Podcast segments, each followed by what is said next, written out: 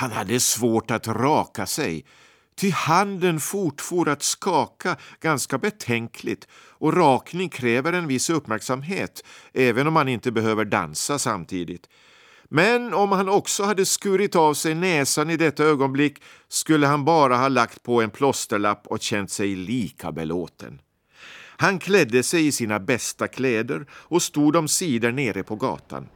Där var fullt med folk, precis som då han hade varit där i sällskap med den nuvarande julens ande.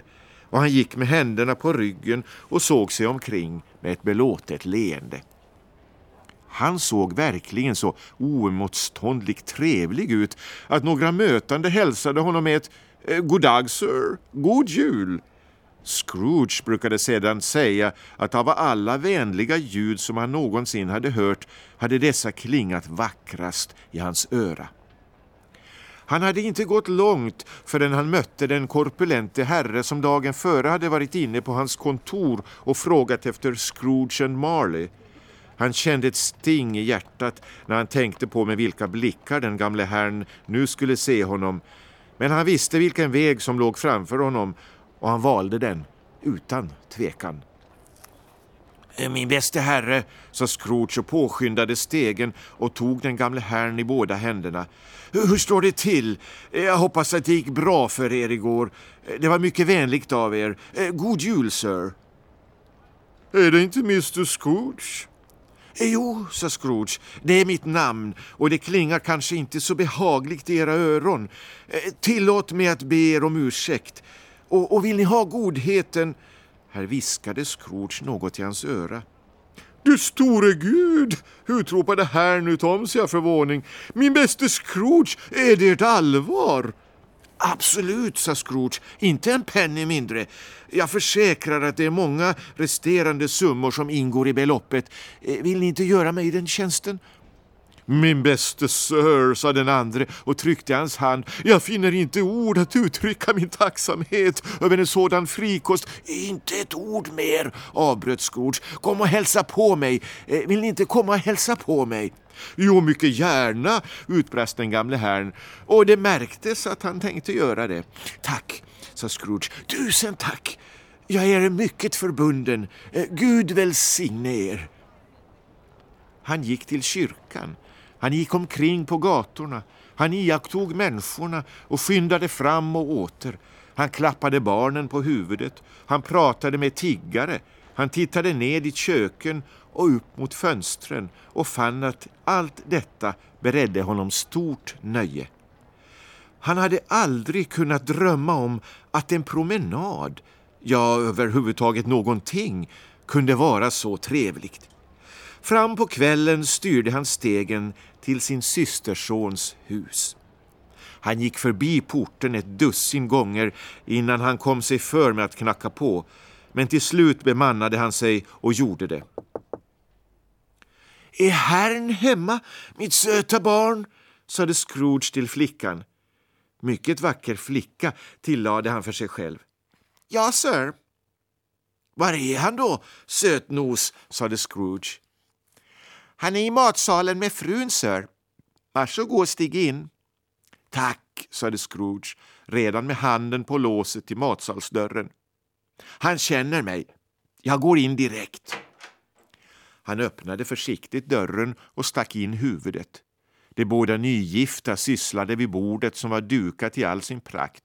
Ty som alla ovana ungdomar var de lite nervösa i sådana fall och ville se till att allt var i ordning. Fred, sade Scrooge. Bevare mig väl, så förskräckt systersonens hustru blev. Scrooge hade ett ögonblick glömt bort att hon hade suttit i en vrå med en pall under fötterna, annars skulle han ha varit försiktig. Nej, vad ser jag? utbrast Fred. Vem kan det vara? Det är jag, eh, din morbror Scrooge. Jag har kommit på middag. Eh, vill du inte låta mig stanna, Fred? Låta honom stanna? Det var sannerligen en lycka att han inte rent av skakade av honom armen. Efter fem minuter var Scrooge som hemma hos sig. Stämningen kunde inte vara bättre. Systersonens hustru var precis sig lik. Det var Topper också när han kom och den knubbiga systern när hon kom och alla de andra när de kom. Ett underbart sällskap, underbara lekar, underbar endräkt, underbar lycka. Men tidigt nästa morgon var han på kontoret. Ja, han var där mycket tidigt. Han ville vara först och ertappa Bob Cratchit med att komma för sent. Det var vad han hade föresatt sig. Och han gjorde det också. Klockan slog nio. Ingen Bob. En kvart över.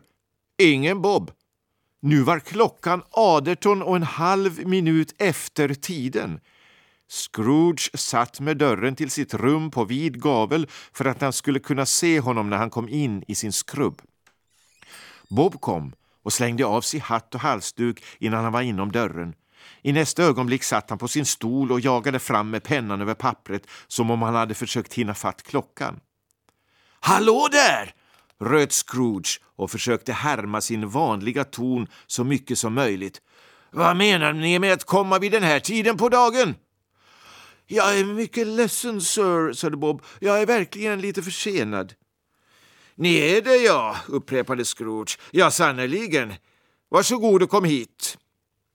Det händer ju bara en gång om året, sir, sade Bob bönfallande och dök fram ur skrubben. Eh, det skall inte upprepas. Eh, vi hade lite festligt hemma igår, sir. Nu ska jag säga er en sak, min vän, sa Scrooge. Det här kommer jag inte att tåla i fortsättningen. Och därför fortfor han och hoppade ned från sin stol och gav Bob en puff i bröstet så att han raglade tillbaka in i sin skrubb. Och därför tänker jag ge er löneförhöjning. Bob darrade och närmade sig linjalen. Hans första tanke var att slå Scrooge till marken med den, hålla honom fast och ropa på folk för att sätta på honom tvångströja. God jul, Bob! sa Scrooge och klappade honom på axeln. Denna gång med ett allvar som man inte kunde missta sig på. Jag önskar er en bättre jul än ni har haft på många år, min kära vän. Jag ska höja er lön och försöka hjälpa er strävsamma familj och vi ska diskutera er ställning redan idag vid en rykande julbål. Gör upp en eld i spisen och köp en ny box kol innan ni skriver en enda rad till Bob Cratchit. Och det var inga tomma löften. Scrooge höll allt vad han lovade och betydligt mer och för lille Tim, som inte dog, blev han som en andre far. Han blev en lika god vän och en lika god husbonde och en lika god människa som vem som helst annan i det goda gamla city eller vilken som helst god gammal stad eller köping i den goda gamla världen. En och annan skrattade väl åt den förändring som han hade undergått, men det brydde han sig inte om.